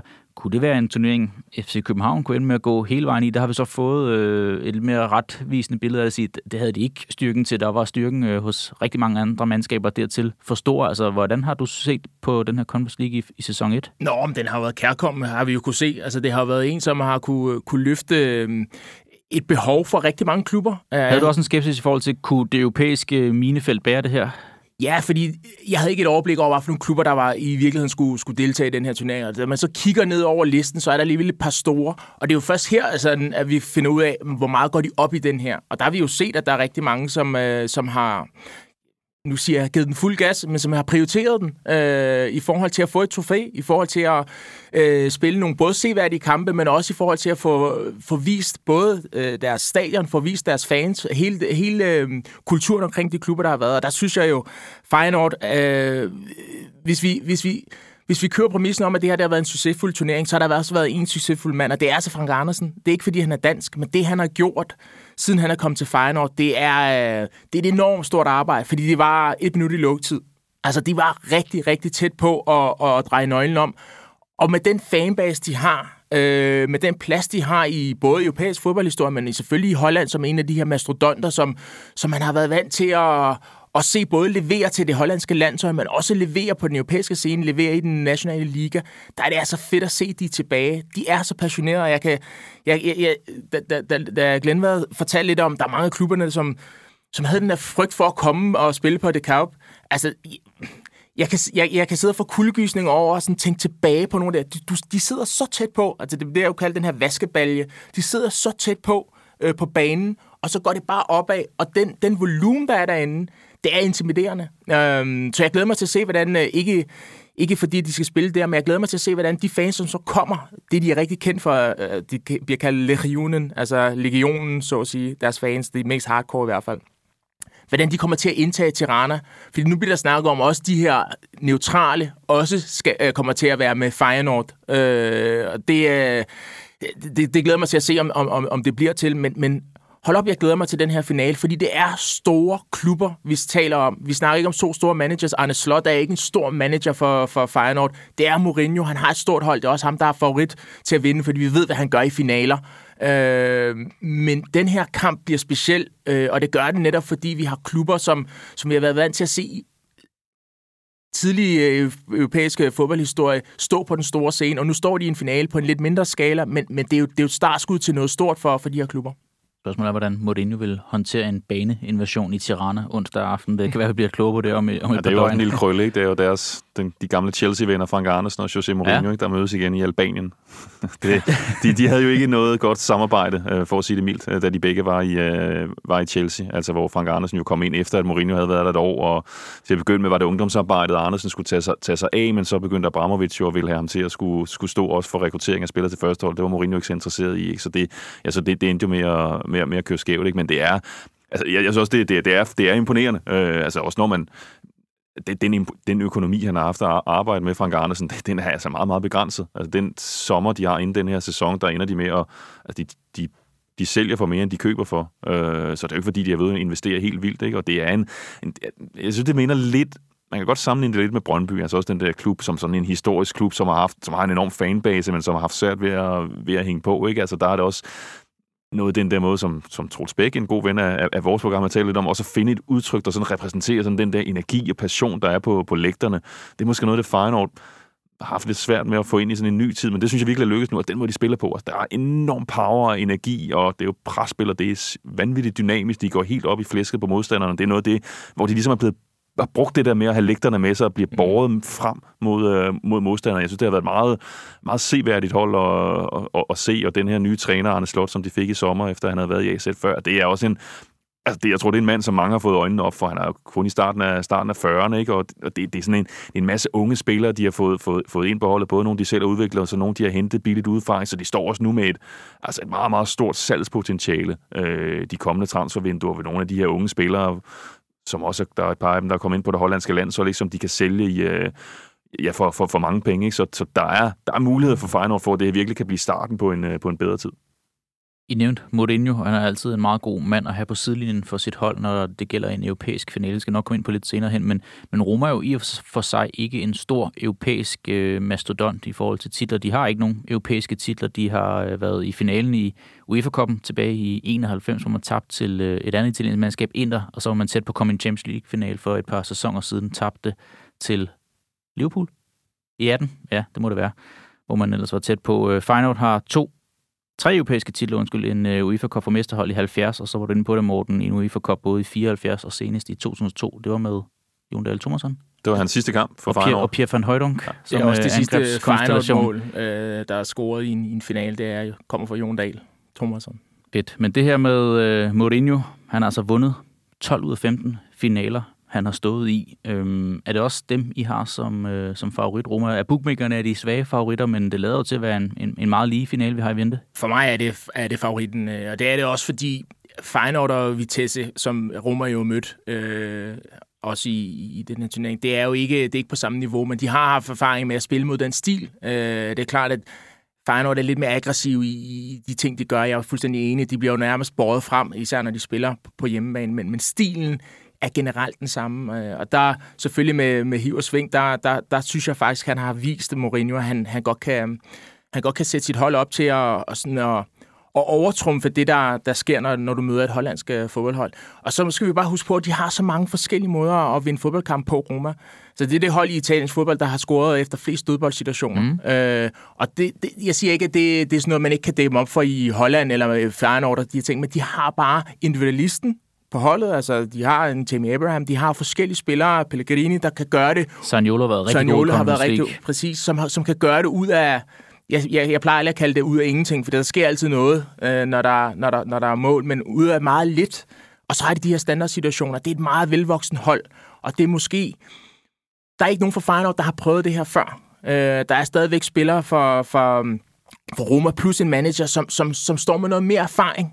Og det, det, i sidste ende, så er det det, det kommer ned til, tror jeg, øh, når det her skal afgøres. Altså, hvor mange facetter af spillet kan du, kan du øh, sætte flueben ved? Og har du en manager, som kan sørge for, at der bliver et spilbillede, som, som, hvor dit hold trives i, der har du ikke en større mester end, end Mourinho, og det er det, jeg tror kommer til at være afgørende. Jeg synes, det er den der, der, jeg synes, der er den der, man kan måske huske den der finale, der var, det var i Europa League, hvor Mourinho han var Manchester United manager, og de mødte Ajax. Det var lidt den der, det var den, det var den snu erfarne Mourinho med det lidt mere øh, velvoksne hold, øh, som, som gjorde det af med, med, det, holland, med det hollandske mandskab. Ikke? Og der, der, er der, nogle, der er der nogle paralleller der. Men så synes jeg, jeg synes også, Feyenoord i den, den semifinale, de spiller mod Marseille, der viste de alligevel også noget andet, end, end det, de ellers har vist, øh, hvor de spillede 0-0 i returkamp på udebane. De havde vundet med en på hjemmebane. Der var sådan lidt mere kontrol over det, lidt mere, der evnede de faktisk at stå meget godt, i, meget godt imod. Ikke? Så de har vist, øh, de har vist øh, flere facetter, men jeg håber, vi får, jeg håber, vi får Feyenoord at se fra, mm den side, som har kendetegnet dem, ikke? for det har været nogle, altså nogle hæsblæsende affærer. Jeg havde sådan en, der var en 3-3-kamp mod Slavia Prag på hjemmebane. Det, altså, der har været fuld fart, og, fuld fart over stepperne, og det har ikke været kedeligt at, at følge det her hold i Europa. Jeg kan huske, vi kommenterede i, i boksen lige ved siden af hinanden, da du havde den der kamp. Du var helt svedt i pausen. Hvad stod den der 2-2, ja, der har været øh, skamysler ja, og slåskamp? Der var, der, var, der, var, der var slagsmål mellem, der var en ja. Feyenoords assistenttræner, der, der var involveret, ikke? men det har været, det har været meget passioneret, og det er også, altså, som Frank Andersen siger, jamen her, altså tilhængerne, de siger bare, at det her det er Feyenoords fjerde europæiske finale i historien. Der er det ikke sådan noget med, at jamen, det er kun Conference League, så det tæller ikke rigtigt. Mm. Altså, jo, jo, det her, det er, for dem er det her en meget, meget, meget stor kamp. Og for Mourinho's vedkommende den første i historien til at stå i en europæisk finale med fire forskellige mandskaber. Han har været i Champions League og UEFA Cup-finalen, både med, med, med Porto, Inter, Champions League, og så, som du siger, United Europa League-finalen for et par sæsoner siden, og nu altså også med Roma. Skal vi lige blive ved ham, Mourinho, fordi for et halvt år siden, der var det jo igen, hvor man tænkte, ja, yeah, nu gentager historien som øh, Jose Mourinho igen, øh, det her kaos, som han kan skabe i en klub, og, og det var ved at falde lidt fra hinanden. Men de kan jo ende med at få en ganske respektabel sæson med en europæisk titel. Og han lader til at have vundet hjerterne i, i Rom hos rigtig mange af deres øh, ultrasgrupper dernede, også som der kan godt kan, kan spejle sig lidt i Mourinho hans værdier der, på det her med at, at finde fodfæste med Brøndby, med, med Feyenoord. Det vil jeg også godt putte Rangers ind i den, som vi så i en europæisk finale for, for en uge tid siden også. Hvad, hvad tænker I? Øh, altså, Mourinho, det, det lader til at være mere øh, længerevarende, end, end man lige så. Ja, ja for, så for mig er det vigtigste. Selvfølgelig er det jo samspil med fans og klubben, at der, der er ro der. Men, for men mig du er det, også formand på, jeg er for formand, fanklubben jeg er formand. Nej, men, men, men det, jeg synes, der, der er det vigtigste i forhold til de resultater, der skal, det kan du se på spillerne. Altså, de respekterer ham. Der er ikke, der er ikke, øhm, der er ikke den ballade, øh, der har været. Altså, nu tænker jeg særligt på, på Pogba for eksempel. Alle de der ting, der, der, spil, der udspillede sig i Manchester United, øh, især til sidst. Jeg synes, det virker til, at spillerne øh, er der, hvor de også var, da han havde øh, et Chelsea-hold for eksempel. Altså de der vil gå igennem ild og vand for ham. Alle de spillere, han har været med til at udvikle på, det tænker jeg særligt på Tim Abraham, Karstop, en, en hollandsk spiller, der kommer til at spille, øh, Chris Smalling. Nogle af de her spillere, som, som måske ikke var på øverste niveau øh, rundt om i de klubber, de har været i, er blomstret under ham. Jeg synes, der er rigtig mange af de ting, som Mourinho har været bedst til i sin trænergærning, som vi ser på det her hold. Øh, og det er... Øh, det, det glæder mig faktisk. Øh, det viser, at han... Øh, jeg siger ikke, at han har fulgt med tiden rent taktisk. Det er Guardiola på den der måde, som, øh, som er innovativ og sådan noget der. Men det der med at være en, en manager, som, øh, som, som sætter sig foran sit hold, det har jeg set igen, og det, det, det glæder mig. Men han er jo også på en måde kommet lidt tilbage til rødderne. Mm. Altså det, som kendetegnede den, den unge fremstående Mourinho, det var jo, at han var den der outsider. Altså han er også altså han, han var kom frem i FC Porto, de var jo på den europæiske scene, var din outsider. Så kom han til Chelsea, som nok havde mange penge, men de har ikke vundet noget på det tidspunkt. I forhold til den etablerede elite, Manchester United og Arsenal, der var de en, en outsider, som så under ham blev løftet op. Da han kom til Inter, de havde heller ikke, de havde underpræsteret i Europa i mange, mange år det er ham, der får dem til at vinde Champions League. Så der, hvor han begynder at få problemer, det er, når han kommer til de der meget etablerede traditionsklubber, som Real Madrid, som Manchester United, hvor der også ligger nogle forventninger om en måde at, at agere på. Ikke? Og der, der, der er han lidt tilbage der, hvor han godt altså, kan, kan være ham, der hvor det virker lidt mere troværdigt, når han i tale sætter sig selv og i scene sætter den, den klub, han har, som dem, der, der jo ligger under for, for, for den der, den der forkælede, forkælede elite. Ikke? Så på den måde, så, så, så, så, så passer han et eller andet sted bedre ind i de der klubber. Altså, han skal ikke, han skal ikke til, til Manchester City, som det er lige nu. Øh, og jeg synes heller ikke, han skal tilbage til Real Madrid på, øh, på, på et tidspunkt. Nej, lad ham da bare blive i Roma. Det lader til at være et meget godt forhold. Ja, altså, men han har selvfølgelig så skulle kendt det med sig selv også. Ja. Altså det der med at tage det på sig, det der med, og, og det synes jeg så, man kan se, når han, når han bliver bevæget. Og det var det var altså ægte. De mm. der, han, kan, han kan ikke fremprovokere de der tårer. Altså, der var noget bevægelse ved, at han havde fået Roma i Conference League-finalen. Ikke? Og for, altså, for fem år siden, så kunne, ville Mourinho med den personlighed, han har, der ville han nok føle, det var lidt under hans niveau ja. at skulle spille en finale i den der turnering. Altså, hvor hvad er det, de har været i opnå for Polarcirklen og spille et par gange undervejs. Så det, det er jo ikke der, hvor Mourinho ser sig selv. Uh, så, så i det ligger der også, synes jeg, et signal om, at han ligesom han har kendt der, hvor han er nu, og han har taget den opgave på sig, han, han har fået. Og det har nok også været nødvendigt for, at han kunne, kunne få succes. Han ikke følte sig hævet over at være træner for Roma. Og så deler også den der, som du siger, Frans, med, at Roma er en af de hold i Serie måske også hele Europa, der kan vinde kampene på forskellige vis. Altså det kan være flot og underholdende og berusende den ene øh, weekend, og ugen efter, så kan de spille det, man måske putter mere i bås med Mourinho, og mm. sige, at man, man kommer foran, og så kan man forsvare den hjem derfra. Det bliver interessant at følge. Onsdag aften, vi er ved at nå til vejs ind her. En ting, jeg helt glemt, da vi havde øh, de, de større europæiske ligaer, for at få lidt dansk is lidt ind. du mere fra Bulgarien? Eller? Nej, ja, det, det, det bliver fra øh, Tirana og Albanien den her gang. Nej, okay. det lader vi også lægge. Øhm, årets dansker i de øh, større europæiske ligaer. Ganske kort. Et navn, der lige popper op. Ja, lige nu efter han har vundet finalen, ja. så tænker jeg selvfølgelig Jesper Lindstrøm. Det er så lige om... Nu fik han jo en års rookie-pris. Ikke? Det er jo selvfølgelig den, der nok har gjort det mest over forventning i forhold mm. til det, man havde, man havde, man havde forestillet sig. Øh, hvis man sådan, ja, bare skal se niveau. Er der så nogen, der overgår ham? Christian Eriksen skulle det måske være. På, et, øh, på fire måneder? På fire ja. måneder. Ja. Men, men vi er også derhen, fordi vi kan kippe nok så mange gange med den rødhvide øh, hat, men så går det over for danskerne på, på landsholdet, har det ikke været. Det har det ikke været. Det, og det, er jo... det, det kommer an på, at vi tager topniveau. Der har jo været de her gode historier. Øh, så har jeg Rasmus Nissen. Øh, det, det synes jeg jo, de vinder det dobbelt igen, øh, og på vej videre angiveligt til Dortmund. Men hvis du tager dem det i, i, den, i den første øh, pulje 15, som Julemand udtager, altså, okay, der, der, der, der ja, ja. er ganske få, der ja. har haft rigtig gode år. Det er Pierre Emil Højbjerg, det er ja. Christian Nørgaard, ja. Christian Eriksen, fire gode måneder, og så ja. hvis Lindstrøm han er en del af den her pot 15 eller 17, så, så er han jo også en af dem. Men ja, resten, det har været Skov til par eller under. fremragende. Ja. I øvrigt. Men, Men det er så kun en halvt år, ikke? Den ja. sidste halvdel også. Ja. Okay, interessant. Tak for den gang, Morten og Francis. Selv tak. Selv tak. Nu går øh, spillerne jo på sommerferie. Morten skal også nu have lidt ferie, inden at den står på øh, Nations League igen, men vi agter altså også at være tilbage med Diego sådan øh, regelmæssigt hen over sommeren, sådan, så at øh, publikum ikke slipper os, og vi ikke slipper hinanden. Så øh, vi har planer om at lave lidt fra tid til anden, og allerede onsdag kan man høre lidt om øh, Champions League-finalen, som vi også bag op til en øh, særskilt udsendelse der. Det er altså onsdag, den ligger ude i et feed, så man kan nå være klædt på til øh, lørdag aften, når det står på. Og så husk også den her Conference League-finale på onsdag. Mit navn, det er Ken Hansen, og vi hører os altså, som I kunne høre, ved inden så forfærdeligt.